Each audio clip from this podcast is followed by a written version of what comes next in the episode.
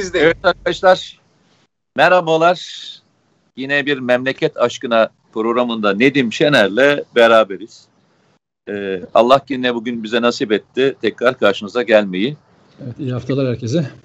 Evet iyi haftalar diyelim. Ee, artık yeni normale biraz daha normal e, olarak bakamadık ama olsun yine de bir yeni normalleşme var. En azından bir restoranda gidip bir şey iki tane bir şey yeme şansımız olacak.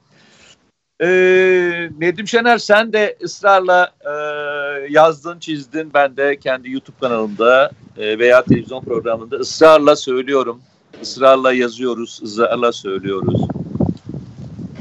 Çünkü bu heriflerin oyunlarının ne olduğunu biliyoruz. Ve bu adamlar önce e, psikolojik olarak, olarak önce mevzuyu hazırlıyorlar. Tabii. Önce sokakları hazırlıyorlar. Arkasından da bunu provok edecek eylemlere başlıyorlar. Ta 1960'tan beri başlayan süreç bu.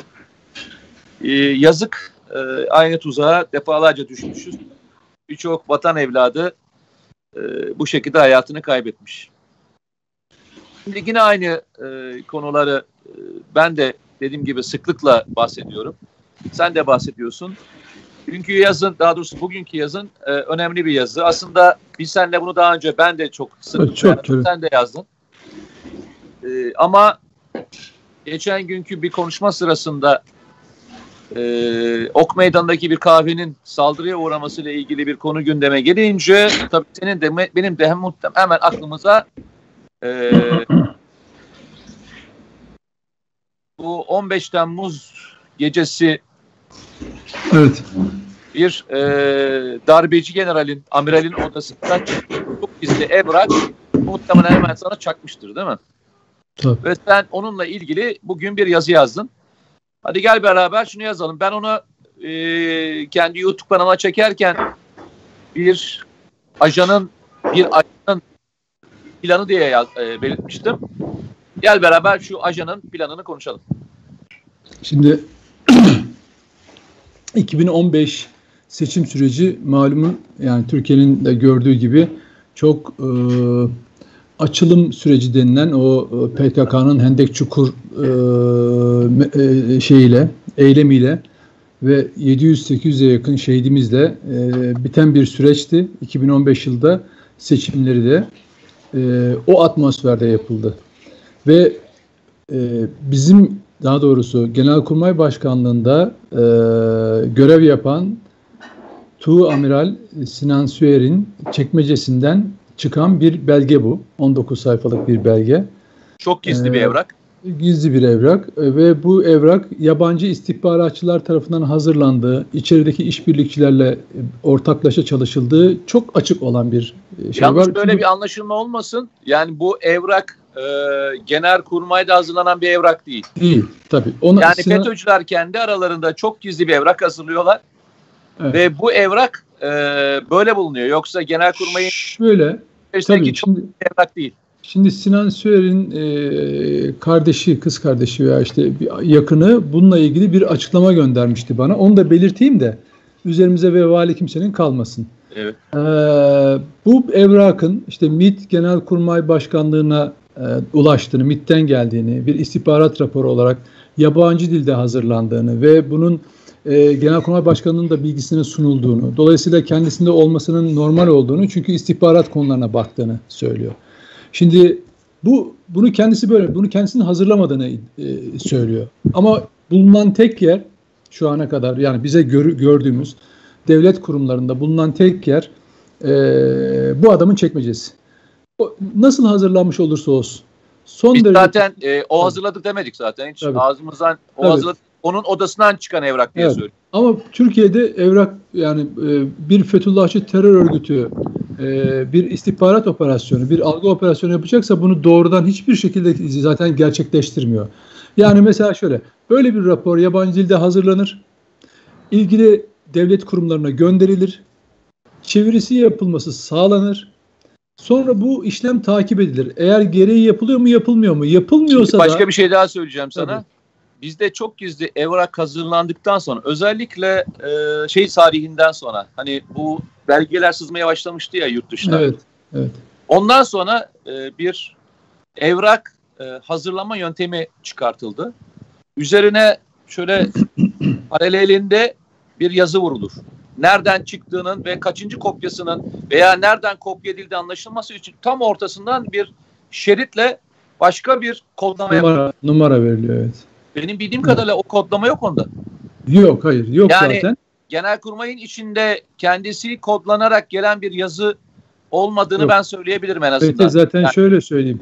Ee, onun o çekmecede bulunmaması gerekiyor. O bahsettiği derecede önemliyse, MIT'ten gelmişse çekmecenize koymazsınız zaten böyle bir e, belgeyi. Şimdi belgenin içeriğine dönelim. O diyor ki bu yabancı istihbaratçılar tarafından hazırlanmış, yabancı dilde hazırlanmış. Çünkü çeviri olduğunu okuduğunuz zaman da anlayabiliyorsunuz. Bazı maddi hatalar da yapılmış semtler konusunda. Dolayısıyla e, önemli olan şu. 2015 konjonktüründe Türkiye'de bir kaos planı nasıl yürütülür? Aynen bu semt semt hatta semtlerde bulunan kahvehane adlarına kadar nasıl saldırı yapılabileceğini e, ve maalesef hani bizim aramızda böyle bir ayrılık yok. Özellikle Alevileri kışkırtacak eylemlerin, saldırıların neler olabileceğini, ne, nasıl yapılabileceği ve Alevilerin nasıl kullanılabileceğine dair bir rapor. Yani insan tüyleri diken diken oluyor. Hani biz yıllardan beri e, e, Çorum, e, Kahramanmaraş olaylarını biliyoruz değil mi? 80 e, ve 78-79 e, o yıllardan Alevilere yönelik provokatif saldırılar ve sonunda yüzlerce insanın e, ölümüyle gerçekleşen bu e, olayların bir benzerinin tezgahlandığını günümüzde belgesini okuyoruz. Biz o zaman e, bir takım olaylar kişiler üzerinden yorumlar yapıp sonuç çıkarmaya çalıştık. Elimizde bugün kötü niyetli insanların istihbaratçıların hazırladığı ve Türkiye'yi kana bulayacak planları dolaşıyor. Ve bu da tabii şöyle değil e, e, efendim işportacı tezgahına dökülmüş belgeler herkesin elinde dolaşıyor değil. 15 Temmuz darbe girişimi e, yapılmış ve bir Tu amirelin odasındaki çekmecesinden bulunuyor. Yani öyle de bulunuyor derken hafife almıyorum. Yani ama şu bu gözler bu tür provokatif eylemlerin her an yapılmaya hazır planları olduğunu gösteriyor. Ve yani şöyle söyleyelim, e, yanlış anlaşılmasın. Mesela hani bazen Rand Corporation raporları falan tercüme ediliyor falan ya. Evet. Arkadaşlar bu bir e, analiz e, değil. değil. Bu bir evet. eylem planı. Yani e, nerede terör eylemi yapılacak, hangi kodla girilecek? Şöyle söyleyeyim size, tam tabiriyle söyleyeyim. Bir istihbarat e, görevlisinin e, aşağıya gönderdiği eylem evet, talimatı eylem, eylem talimatı yanlış anlaşılmasın. Yani evet şey değil Rand Corporation raporu tercüme edilmiş yani onun gibi bir raporun tercüme edilmiş hali yok. Kodlar, girişler, mahallelerin içindeki hangi kodlarla girileceği kadar bir geniş bir şey var. Tabii. E, silsile var. Yani ka- mesela bunu, şunu söyleyeyim bir de bir şey daha ekleyerek söyleyeyim. Bunun Türkiye'deki herhangi bir, bir e, işte bölgede bulunan bir ajan tarafından hazırlanması tek başına mümkün değil. değil. Yok asla. Yani birilerinden çok ciddi e, içeriden destek alındığının da e, göstergesi var. Mete e, e, yaşımız 50'nin üzerinde. Geçiyor. İşte e, bize e, araştırmalarımızın sonucunda veya şununla ilgili görüşmemizin sonucunda diye geçiyor. E, evet. Deyimler öyle deyimler. Tabii. Yani biz seninle 50 e, yaşını geçmişiz. Bugün desek ki e, Alevi e, mesela X mahallesinde bir Alevilerin gittiği kahvehane neresidir diye ancak oraya gidip so utanmaz da sorarsak bulabiliriz. Yani çünkü hicap ederiz biz insan olarak. Yani Alevilerin gittiği bir kahvehane diye bir şey ayrımı düşünemem bile ben hayatımda. Alevinin, Sünninin e, işte fark etmez hangi milletin olur. İnsanlar kahve benim için insanlar kahvehaneye gider. Ama bu adamlar Alevilerin hangi kahve, kahvehaneye gittiğini burada yapılacak bir eylemin nasıl kışkırtıcı sonuçlar vereceğini ince ince hesaplamışlar. Hatta hatta bu çatışma doğduğunda çıkacak eylemler sırasındaki ihtiyaç olan maddeler, işte gaz maskesi, efendim sağlık e, teçhizatları nelerdir? Onların da bunlara temin edilmesi. Yani o çatışmayı devamlı daim kılacak bütün unsurlar hesaplanmış. Yani birkaç atım ilerisi hesaplanmış. Böyle bir askeri plan gibi, istihbarat planı gibi. Yani gerçekten insan tüyleri diken diken oluyor. Yani Türkiye İstanbul'da O 20-30 tane tarafı e, yanlış anlaşılmasın. Bu eylem planı maalesef yapıldı. Tabii. Ee, kısmen yani denen de yani, zannetmeyin. Yok yani şöyle birçoğu maalesef hayata geçirildi. Ya ben oturduğum e, semtte kimin Alevi olduğunu hiç ilgilenmedim bilmem de zaten. Ama birileri gidip semtlerde bazı semtlerde evlerine çarpı işaretleri koydu hatırlarsanız. Bundan işte bir yıl olmadı yani. O, o iş çok deşifre olunca oradan vazgeçtiler. Şimdi bunu niye gündeme getirdik? Ee, bakın bu e, kötü niyetliler, emperyalistler, bu ülkeyi gerçekten kaos etmek isteyenler bir plan yapıyorlar. İmkan bulurlarsa uyguluyorlar. Yoksa bunu iptal etmiyorlar arkadaşlar. Sadece erteliyorlar. Belli bir süreçte erteliyorlar. Hele içinizde yani kendi içimizde, ülkemizin içinde Fethullahçı terör örgütünün etkisi hala devam ettiğini gördükçe onları da bir ajan olarak kullanmaya devam ediyorlar. Çünkü karşımızda dört başı belli olan, her tarafın belli olan bir Amerika Birleşik Devletleri'nin Türkiye'yi istikrarsızlaştırma stratejisi var arkadaşlar. Bu satın aldıkları medya kuruluşları, para verdikleri, fonladıkları besleme basını, içerideki etki ajanları, siyasi kolu ve içerideki terör unsurları yani Fethullahçı terör örgütü ve PKK'ya PKK dahil olmak üzere ona müzahir bütün kurum, kuruluş, dernek, vakıf, medya ne varsa şu anda bütünüyle Türkiye'nin üzerine geliyorlar. Buna bir de şu anda mafya eklendi. Bu konuyu niye açtık? Yani Alevilere yönelik provokatif e, saldırılar konusunda hassasiyetimiz neden? Çünkü dün Tuncay Opçin isimli ki bu örgüt içerisinde e, tarihi camilerden çaldığı hat eserlerini satmasıyla bilinir ve örgüt içinde mahrem imam yapılanmasında Zeyd kod adını kullanan subaylardan sorumlu e, e, imamlardan birisiydi. Ama yıllar ve yıllarca yıllar ve yıllarca Türkiye'de kendine gazeteciyim diyen insanları sığır gibi gütmüş bir adamdır bu. Koyun gibi gütmüş bir adamdır bu. Yazılar yazmıştır. Her cenahtan insanlarla görüşmüştür ve Türkiye'de gazeteci sıfatı taşırdı kaçmadan önce. Şimdi artık açık açık kendisini deşifre ediyor. O günlerde yemin billah FETÖ'cü olmadığını, cemaatçi olmadığını falan filan söyleyen ve buna da inanan insanlar vardı. Ve bu kişi balyoz, Ergenekon kumpaslarındaki akıl hocalarından biriydi. Yani o süreci yöneten, o polislerle cemaat içinde, FETÖ içinde o süreci yöneten dünyanın da görebileceğiniz en iftiracı, en yalancı, en aşağılık bir insandan bahsediyorum size. Yani ona baktığınız zaman mesela mesela Mehmet Baransu dünyanın en kötü gazetecilerinden, operasyonel gazetecilerinden bir tanesi. Mehmet Baransu'yu da kullanan budur yani. Yani kafanızda şekillensin diye söylüyorum. Şimdi bu adam dün e, e, amirallere suikast davası e, soruşturması sürecinde intihar eden Ali Tatar'ın e, adını yine tekrar diline doladı namussuz. Ve efendim Ali Tatar'ın Ali Ta durduk yere bakın hiçbir neden yok. Ali Tatar'la ilgili bir şey söyleyebilirsiniz. Ama durduk yere gündemde bu da değil. Alevileri kışkırtacak bir cümle ne olabilir? Şu olabilir. Bakın tam böyle bir süreçte. Ali Tatar'a neden sahip çıkılıyor biliyor musunuz? Evet intihar etti. E, bir sürü insan intihar ediyor. Ama diyor Ali, Ali Tatar'a intihar e, sahip çıkılmasının nedeni e, Alevi olmasından diyor. Ya bakın hatta bir örnek daha veriyor bir askerimiz. O da intihar etmişti. Ona niye sahip çıkılmıyor? Çünkü onun kışkırtılacak bir kitlesi ve çevresi yok diyor. Ama Ali Tatar'ın var diyor. O yüzden onu diri tutuyorlar diyor. Bak Alevileri durduk yere kışkırtmanın, onları böyle tahrik etmenin bir başka şeyi olamaz bu kritik süreçte. Yani öyle bir vuruş yapıyor ki bir kendisi... aslında bir taraftan başka bir mezhebi de kışkırtıyor. Yani yalnızca Alevileri kışkırtmıyor. Tabii tabii zaten çatışma oradan o, amacı o. Yani Aleviler bu sözler buna benzer yaklaşımlar üzerinden bir şey yapsın ki diğerleri de tepki göstersin kaos çıksın. Tam buna benzer bakın hiç Şimdi Sedat Peker'in açıklamalarını dinliyoruz. Yalnız orada bir not düşelim mi ee, Nedim? Bu adamların e, Ali Tatar'a nasıl tuzak kurduğunu anlatalım ve nasıl tabii, bir onlar olduğunu da anlatalım. Yani tabii, bunu tabii. yazan adam aynı zamanda e, aşağılık bir komployla e, bu şerefli Türk subayına nasıl bir komplo kurduğunu ve gururuna yediremedi, yediremediği için intihar ettiğini de hepimiz bilelim. Evet. Bunu yapan adam, bunu söyleyen adam. Yani hani hem komployu kurup hem intihar ettirmiş, üstüne üstlük de şimdi çıkıp bir de e, onun tarihi üzerinde tepinmeye çalışan bir adamdan bahsediyoruz. Evet, evet, evet, evet. evet. Yani Şöyle... herhangi birisinden bahsetmiyoruz. Evet, evet. Öldürüyorlar. Onuruyla oynuyorlar insanların. Öldürüyorlar. Ölümüne sebep oluyorlar. Sonra da arkasından bunu tekrar kullanabiliyorlar. Fethullahçı terör örgütü böylesine yani hani leş kavgaları kavga, kargaları yani deniyor ya onlar haysiyetli kalır. Yani Fethullahçı terör örgütünün karşısında şeytan haysiyetli kalır. Yani şeytan böyle insana güzel melek olarak kalır. Yani şeytana pabucunu ters giydirecek adamlar bunlar.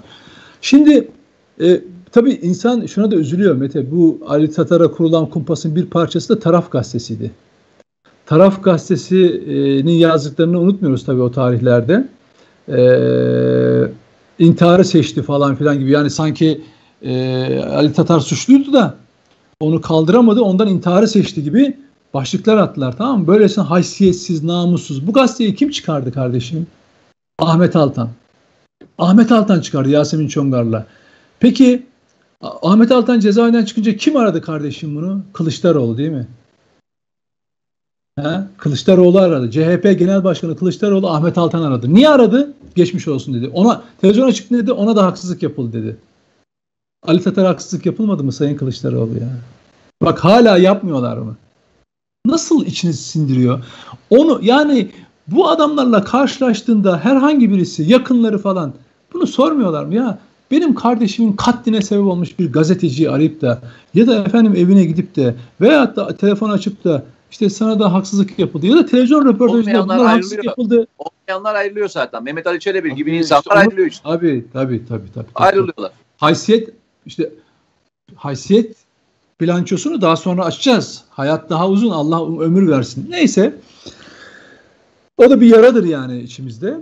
Neyse e, ki hani Kılıçdaroğlu da kendini işte Alevi olduğu konusunda bir hassasiyeti de vardır değil mi? Yani böyle olduğu konusunda ama işte Alevi'nin etini yer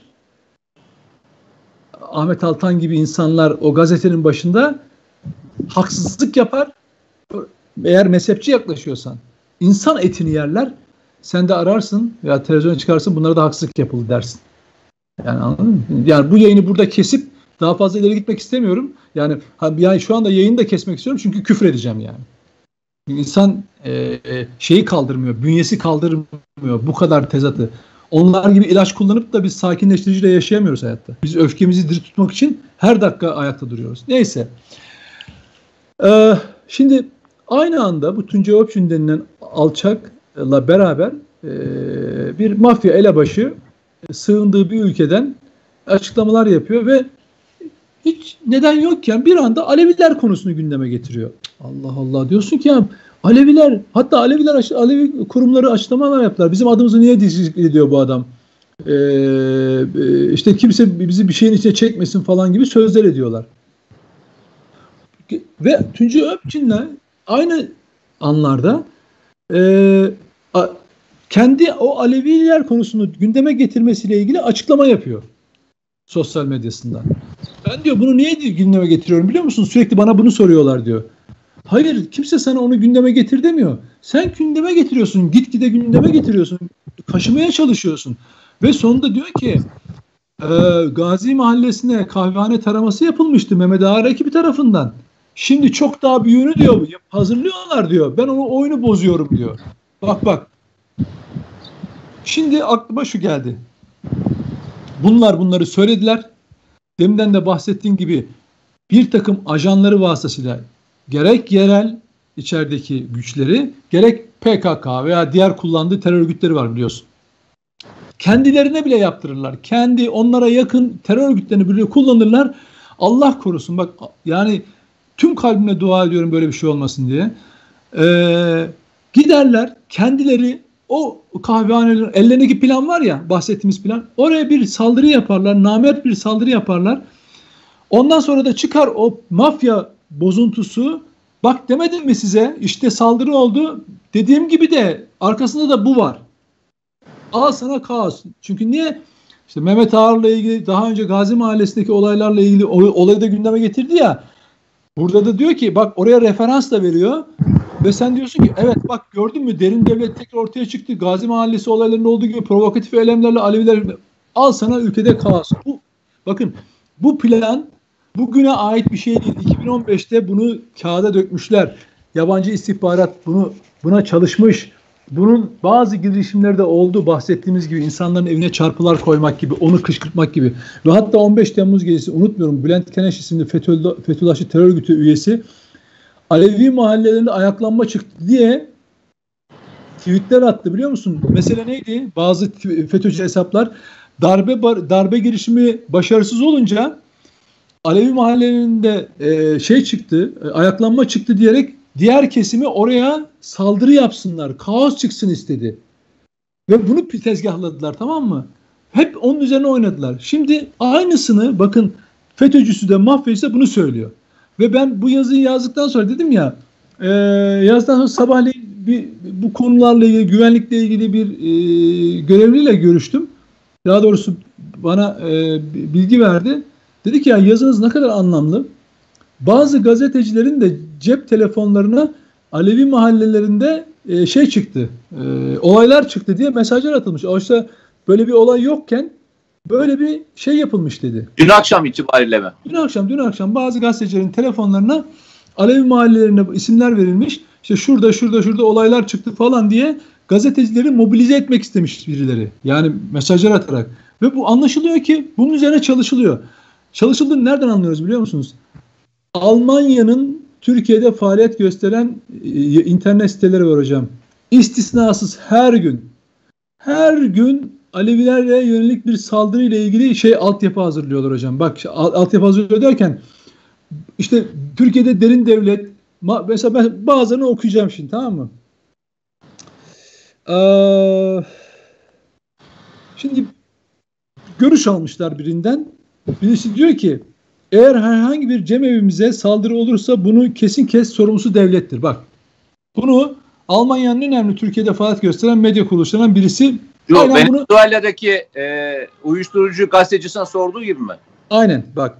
Hayır burada da ismini için ben söylemeyeceğim. Birisi böyle demiş onu da haberleştirmiş. Evet aynen dediğin gibi dolaylı anlatım. Hemen arkasındaki haber. Sedat Peker İçişleri Bakanı Ağar'ın adamlarının bir cev evine saldırı hazırlığında olduğunu öne sürdü. Bak bunu kaç saat önce? 4 saat önce atmış. Bu sözler 95'teki Gazi katliamlarında derin devletin rolüne ilişkin iddiaları yeniden gündeme getirdi. Hemen altındaki haber. Sedat Peker Aleviler açıklamalarıyla Mehmet Ağar'ın itibarını aşındırıyor.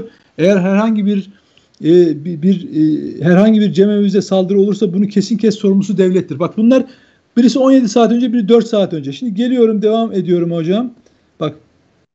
Hemen aynı sitede Sedat Peker'in iddialarının ardından Cihatçı Nusra Cephesi örgütün yeniden gündemde. Suriye'de gönderilen MİT tırlarının durdurulduğu 2014 yılında Türkiye'de bu örgütü henüz terör örgütü olarak kabul etmiyordu. Bak görüyor musun? Bak algıya nasıl çalışıyor bak. Hocam ondan sonra devam ediyorum şeye bakıyorum haberlerine bakıyorum. Her gün bak BBC Türkçe, Deutsche Welle, e, Independent Amerikan Sesi. Amerika'nın sesi birkaç tane daha var. Bunları böyle onlardan daha iyi takip ediyorum. Ne yapıyorlar diye. İsti te, tamamıyla algıya çalışıyorlar. Tamamıyla sessiz medyanın bak medya halka bilgi verme olayıdır. Ben bir olayla ilgili bilgi veririm. Kenara çekilirim. Burada yemin ediyorum size bakın göreceksiniz bu adamların tamamı Türkiye'de bir algı oluşturmaya çalışıyorlar. Mafya elebaşının anlattıklarından üzerine. üzerine. Anlattıklarıyla ilgili hiçbir araştırma yayınlamıyorlar. Hiçbir belgeye ulaşmıyorlar. Öyle bir çabaları yok. Yeter ki Sedat Peker böyle demiş olsun. Bu bu bu Amerika kaynaklı Avrupa işbirliğiyle FETÖ'cü ve mafyanın Türkiye'ye yönelik bir operasyondur arkadaşlar. Hiç kuşkunuz olmasın. Yani olay nasıl oldu da Alevilere geldi ya? Nasıl oldu da Ali Tatar'a geldi? Onurundan intihar etmiş. Bir adama nasıl geldi arkadaşlar laf?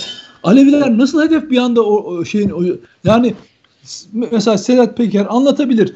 Kendi içinde bulunduğu suçlarla ilgili olarak bilgi, bilgilerin e, efendim belgelerini paylaşabilir. Konu nereden Alevilere geldi arkadaşlar? Çünkü niye? Türkiye'de bir Türk-Kürt iç çatışması çıkaramadılar. Emperyalizm bu kadar da şey vermesine bakın şöyle düşünün. Kendini PKK ve HDP e, Kürtlerin temsilcisi olarak göstermeye çalışıyor. Oysa ikisi de terör örgütünün ve biri de onun yardımcısıdır. Ama Kürtler bunu kabul etmiyorlar. Eğer insanlar böyle görmüş olsalardı Türk-Kürt çatışması olurdu. Ve bunu oynadılar zaten yıllarca. Hala da onu oynuyorlar. Ama bunu başaramadılar. Türkiye e, yurt dışına öyle bir sahip çıktı ki dağdan teslim olan teröriste bile nasıl davrandığını aileleri gördü. Diyarbakır annelerinin en birincisi olan e, Hacer, Hacer Ana'nın oğlu teslim şey geri geldi. Evlendi. Torun seviyor şimdi Hacer Ana'ya. Ya böyle bir böyle bir keyif var mı hocam? Terörist dağda öldürülebilecekken oğlu teslim oldu ve bugün torununu seviyor kadın. Hayat böyle bir şeydir işte. Ama bakın bu olmadı. Özellikle bu Alevi meselesi Almanya'da çok odaklıdır ve Aleviler için de çok büyük bir şey vardır bu konuda. Görüş ayrıklığı var, ayrıkları vardır. Türkiye'de hiçbir şekilde bu ayrımcılığı gündeme getirmezler, ayrımcılığı tartışmazlar böyle bir şey yoktur. Ama yurt dışından inanılmaz bir şekilde yine başka terör örgütleriyle beraber bu konu sürekli canlı tutulur. Ve Almanya bu konuda şeydir, menbaadır yani. Her şeyi bulabilirsiniz. Her türlü fitneyi ve ayrımcılığı bulabilirsiniz. Ve bunu da hep böyle Ali Mali falan diye, Hazreti Ali falan diye kendilerince şekillendirmeye çalışırlar. Hatta Ali'siz Alevilikten falan da işte gündeme gelir böyle. Şimdi dolayısıyla bakın ömür, bizim ömrümüz, bakın benim çocukluğum hep örnek veriyorum 12 Eylül sürecinde e, binlerce gencin birbirini katlettiği bir süreçti. Çorum ve Kahramanmaraş katliamları bu süreçte gerçekleşti. O zaman da emperyalizm bir takım insanları kullandı. İnanın kullandı. Bugün belki o insanlar bundan uzaktalar ama aynaya baksınlar. Tarihe baksınlar, belgelere baksınlar. Parmak izlerini görecekler. Bugün başka kimlikte olabilirler. Ama emperyalizm dün sen milliyetçiyim dersin, sen solcuyum dersin, seni kullanır. Bugün di, e, şeyim, e, ben bir hocayım, işte cemaatim var dersin, FETÖ'cüsündür, seni kullanır. Bütün hiç plan değişmiyor. Bak hep söylüyorum senaryo hiç değişmiyor arkadaşlar. Çünkü Türkiye'de kırılganlıkları oluşturabileceğiniz yerler belli. İslam dini, Atatürkçülük, laiklik, efendim Alevilik, Türk-Kürt çatışması gibi konular hep bilinir. Buralar ağrılı nokta. Buralara hafifçe bir dokunduğun zaman aynı vücuttaki gibi vücudun tamamı etkilenir. Yani bir belinizdeki en ufak bir tane bir, bir, bir küçük incinme bütün vücut hayatınızı etkiler. Aynen buna oynuyorlar. Yani sinir uçlarınızı oynuyorlar. Ve bugün de çok ciddi şekilde Türkiye'de sinir uçları oynuyorlar. Peki genel fotoğraf ne? Yani biz neyle karşı karşıyayız? Arkadaşlar Amerika Birleşik Devletleri'nin Türkiye'de yönetimi değiştirme operasyonuyla karşı karşıyayız. Hiç kimse başka bir şey tartışmasın. Her şeyi unutun. İçeride etki ajanlarını kullanıyor, terör örgütlerini kullanıyor, mafyayı da kullanıyor. Kullanacaktır. Başkalarını da kullanacak. Biden, bak Biden bunu bize açıkça söyledi arkadaşlar. Kulaklarınız duymadı mı? Gözleriniz görmedi mi arkadaşlar? Hiç mi hissetmediniz? Biden bunu söyledi. Bu sefer darbeyle değil dedi. Muhalefeti destekleyeceğiz dedi. İşte seçim yoluyla falan dedi. Neden sürekli muhalefette birileri sürekli seçim diyor? Sürekli ama yani her hafta seçim diyor. Gerçekten şunu söylüyorum bakın. Biden'ın umudu muhalefetin hükümeti seçime götürebilmesi. Biden'ın bütün umudu bu. Çünkü içeride darbe yapacak elemanları kalmadı. Tamam mı? NATO'cusu da kalmadı, FETÖ'cüsü de kalmadı kardeşim. MIT'i, MIT'i yönetemiyorlar. SSK'yı yönetemiyorlar şu anda. Raporlarında o zaman, tersine... o zaman yapacaklar. O zaman e, darbe yapmaya gücü yetmeyenler e, daha basit olabilecek olan kaos, kaotik eylemler verecekler diyorsun adım kadarıyla. Tabii şöyle, tabii seçime nasıl, niçin gidersiniz?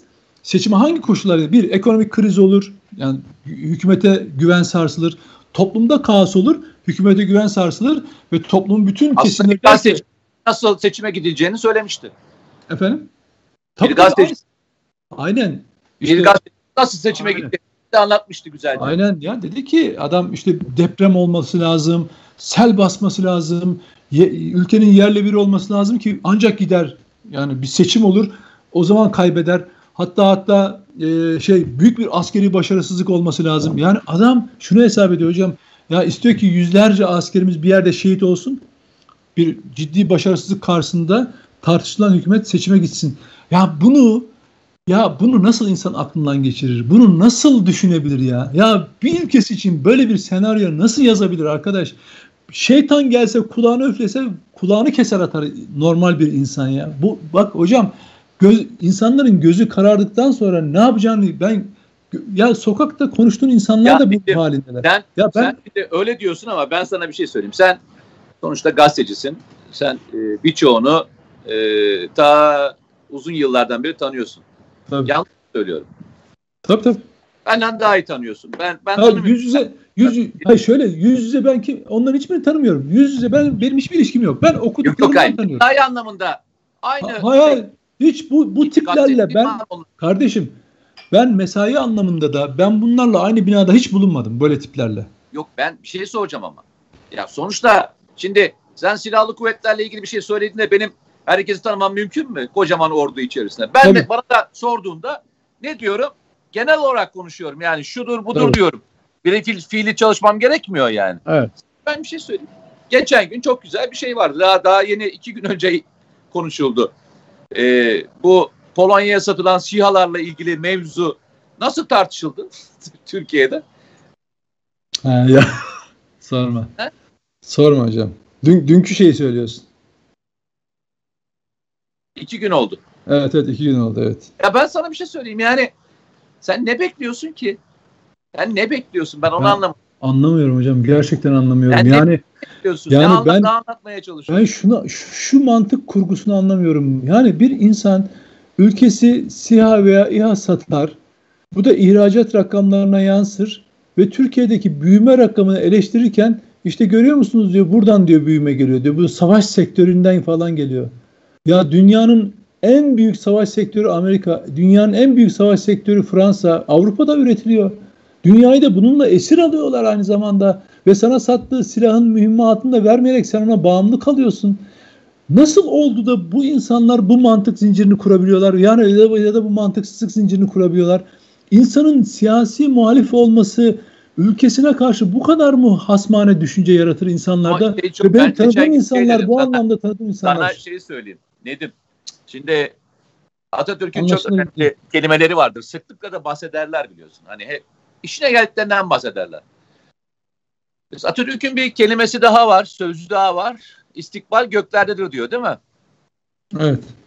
Anladığım kadar arkadaşlar şöyle anlamışlar. İstikbal göklerde de, deyimini e, muhtemelen e, Boeing firmasının uçağına binmek olarak anlamışlar. Veya Airbus uçağa binmek olarak algılamışlar. Yani Türkiye'nin e, yani SİHA'yı yalnızca bir savaş aracı olarak, bir teknoloji olarak görmüyorlar. Bir havada mücadele etme aracı olarak görmüyorlar. Atatürk'ün e, savaş uçakları yapmak için de ne kadar çabaladığının farkında değiller. Ama bu arkadaşlar farkında mısın? Atatürkçü. Yok. Asla inanmıyorum. Ya Asla bak sen, ya Atatürk, sen Atatürkçü olmak hocam ya, ülke aleyhine çalışmak ben, olamaz ya. Sen emin misin bu konuda emin misin? Yani ya, ya şu deyime bakabilir misin? Şu deyime bakabilir misin ya? Ülkesini en iyi damat, en çok küçük ülkesini damat bu arada. Tabii tabii. Yani İsim ülkesi... yok ha. Bak evet, yani evet. böyle evet. isim falan da söylemiyorlar. Peki ben sana bir şey söyleyeyim. Dün de bir çektiğim videoda da bunu çok girdim konuya girdim. Yakalamışken sorayım. Belki 15. gafıdır değil mi? Çok büyük gaftır. Çok büyük arka arkaya. Değil mi? Bu gaflardan bir tanesini sen ben yapsak ne oluruz abi biz? Soruyorum ya sana. Ha ya şöyle şöyle bizim gaf yapmamıza gerek yok. Mesela geçen haftaki programdan hiç söylemediğim bir lafı bile alıp başlık yapabiliyorlar. Videonun üzerine yazabiliyorlar. Nedim Şener diyor. Şu e, Nedim Şener e, Sedat Peker'e bunları söyleten FETÖ arkasında da Amerika var. Bu işi beraber yürütüyorlar falan. Yani benim telaffuzum asla böyle değildi. Ben başka türlü bir şey anlatıyorum ama almış onu oraya yorumlamış. FETÖ'cüler de bunu bak Nedim Şener görüyor musun? Bunun arkasında FETÖ buldu diyor. Valla ben onu söylemedim de daha bir hafta geçmedi kendiliğinden ortaya çıkıverdi. Zaten ben de onu öyle paylaştım. Dedim ki yani ki, benim söylememe gerek kalmadı. Zaten o her şey ortada. Yani Sedat Peker'in nasıl FETÖ'cü söylemleri sahiplendiğini, argümansız kaldığı için onlara sarıldığını görünce sizin de onlara verdiğiniz desteği yani FETÖ'cülerin verdiği desteği görünce artık ortada şüphe edecek bir şey kalmıyor. Siz FETÖ METÖ falan değil. Siz Amerika Birleşik Devletleri'ne çalışan, siz Türkiye istikrarsızlaşmak istenen için para veren, dünyaya para dağıtan Birleşik Arap Emirlikleri'nde, e, Dubai'de yaşayan, Avrupa'sı ile FETÖ'cüyle işbirliği yapan aynı amacın peşinde olan insanlarsınız. Yani bir illa onun organik FETÖ'cü olması, maklubeci yemesi, ışık evlerini o değil. Önemli. Önemli olan değil. Önemli olan şu. Amaç birliğiniz kardeşim. Amaç birliğiniz. Siz kafaya koymuşsunuz bu ülkeyi istikrarsızlaştırdık. Şunu söyleyebilirsiniz. İnsanlarla hakikatleri paylaşarak Türkiye'de bizim görmediğimiz bazı şeyler anlatabilirsiniz. Biz de bunların üzerine dururuz. Ama sen oturup yani konuyu getirip de Aleviler Alevileri kışkırtmaya varacak. Bu cümlelere nasıl varıyorsun kardeşim? 2014'te hesabı FETÖ'cülerin yaptığı bir komployu e, Türkiye terör devletidir. Terörist devlettir. Ya bak bir anda şöyle şöyle olabilir. Mesela bir ülke mesela Venezuela ismini şey yapıyorlar. İşte kokain, mokain falan. Ya bir ülkeye bir tanım koyarsın değil mi? Bak Türkiye bir terörist devlet. Terör örgütleri işbirliği yapıyor. Narkotik devlet. Bir anda ha, bunlar 2-3 haftalık olaylar, 1-2 aylık olaylar. Söyledik. Türkiye buraya konumlandıracak diye söyledik. Ya bir anda ama bir anda ya narkotik, terörist, efendim e, insan hakları işkenceci, efendim soykırımcı. Lan ya dünyada mesela bakıyor yetmiyor, sonuç alamıyorlar. Bir şey daha uyduralım. Ne yapalım mesela? İşte kimyasal silah üretiyor. Şimdi Irak'a öyle girmişlerdi ya. Türkler kimyasal. Mesela nükleer santral kuruyor Türkiye. Nükleer bomba yapmak için kuruyorlar. ya, ya niye biliyor musun? Sadece bir algı oluşmak. Ya bunlardan hangisi doğrulandı bugüne kadar? Hangisi tutarsa. Tabii yani mesela ne biliyor musun? Tabii şu devletlerden devlete ilişkilerde bunlar biliniyor. Yani siz şöyle düşünün. Türkiye bir narkotik hattı kuracak. Dünyanın ta Amerika'nın dibinden. Amerika'sı Avrupa'sı bunu bilmeyecek. Ama iki FETÖ'cü bilecek bunu konuşacak. Serhat Peker dillendirecek. Millet de yiyecek. Ya ne, ne, ne versen saman da versen yemeğe hazır birisi var zaten karşında. Samandan hikaye uyduruyorsun. Yiyorlar yani. Önemli olan şu bu dillendirebiliyor musun? Ya da taraflar bu açıklama yaparken komik saçma sapan açıklamalar değil. Doğru doğru, doğru şu kamuoyu ciddi edecek açıklamalar yapıyorum. Ona bakacaksın. Milleti ciddiye almak lazım. Yani Türkiye Suriye'de terör örgütlerine silah verecek. Mesela MİT tırları hadise 2014'te yaşanmış. Ama Sedat Peker'in silah e, gönderdiği işte Sadat üzerinden işte böyle çorbalamışlar. Silah göndermişler. Ama bunu ilk defa Sedat Peker'den duyacağız öyle mi? Ya MİT hadisesini biz FETÖ'cülerin duyduğumuz gibi. Yani Amerika orada hani böyle uzaydan uzaydan böyle hani yüksek pikselden fotoğraflarını çekerek dakika dakika saniye saniye izliyor. Nitekim bir petrol taşıma olayını bile manipüle ederek e, manipüle ederek Türkiye tırların plakalarına kadar gösterdiler dünyaya. Türkiye orada bir silah verecek. Ya bırak onu bir tabanca uzatsan uydu görüyor zaten. Bir tabanca uzatsan birini orada uydu görüyor. Ya, ilginç tarafı ne biliyor musun? Ee, sevgili kardeşim. Bunları yazanların ve çizenlerin PKK terör örgütüne e, 40 bin tıra yakın malzeme göndermiş olmasıyla ilgili tek bir laf edememiş olmuş. Olması. Ya onu bırak sen. Hocam onu bırak. En güzelini biliyor musun? PKK'lı neydi o adam? Sabri yok mu kim? Sedat Peker'in açıklamaları önemli önemli demiş ya. Sen okudun Duran mu? Kalkan. Ha, Duran Kalkan. Duran. Ya hadi böyle cinnet geçirirsin ya. Memlekete bak. Yok, terörist geç. ya. Bak geç. terörist, terörist. Hani mesela bunu söyleyen bir siyasi parti lideri olabilir. Bir yurttaş olabilir. Abi adamın söylediği önemli ya. Bak yani falan filan. Bunu söyleyen terörist tamam mı? Yani 40 bin insanın canına mal olmuş terörist oturmuş Hmm, mafya Sedat Peker'in söyledikleri e, önemli şeyler. 13 var. tane askerimizin ölüm emrini veren tabii. kafalarına e, evet. sıkak, elleri bağlıyken yapan adamdan bahsediyoruz. Tabii tabii. tabii. Yani direkt söylüyorum. Şu der ki birisi ya bir önemli açıklamada sen yap bakalım. Hadi bir de bir önemli açıklama da sen yap. Şu işlediğin katliamları, öldürdüğün Kürt bebeklerini, Kürt kadınlarını, Türk kadınlarını, Türk bebeklerini bir anlat bakalım ya. Amerika'dan aldığınız o paraları, kullandığınız o silahları bir anlat bakalım. Ya düşünebiliyor musun? Biz teröristle, terörist PKK'lılarla mafyadan akıl alır hale geldik. Kanaat önderleri, bak Türkiye'nin şu andaki kanaat önderleri PKK'lı Duran Kalkan, mafya Sedat Peker. Bunlar kanaat önderleri abi. Ve birbirlerine açlama yapıyorlar. Aa söyledikleri çok önemli falan filan diye. Ya fıkra bu kadar hocam. Teşekkür ediyorum evet, bu hafta yayın için. Gerçekten teşekkür ediyorum. Ee, arkadaşlar bizim yapmaya çalıştığımız tek şey var. Bu ülkenin bir daha acı çekmesini istemiyoruz. Bir tane evladımızı dahi kaybetmek istemiyoruz. Siyasi tartışmalar yapılır. Siyasi tercihleriniz hepinizin vardır. ideolojileriniz vardır. Ama bu ülkede bir kişinin bile burnunun kanamasını istemiyoruz. Bizim tek derdimiz bu. Seçimle kim gelir, kim gider sizin kendi takdirinizdir. Ama dışarıdan buna müdahale edilmesine, Türkiye'yi bir kaosa götürmesine istemediğimizi ısrarla söylüyoruz. Bu ülkenin nereye varacağını bu ülkenin insanları karar verir. Demokratik olarak karar verir, seçimle karar verir.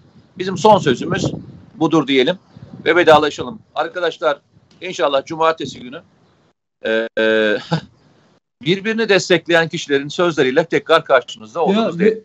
Peki. Çok teşekkür ederim. Sağ olun. Eyvallah. Kendinize iyi bakın. Görüşürüz.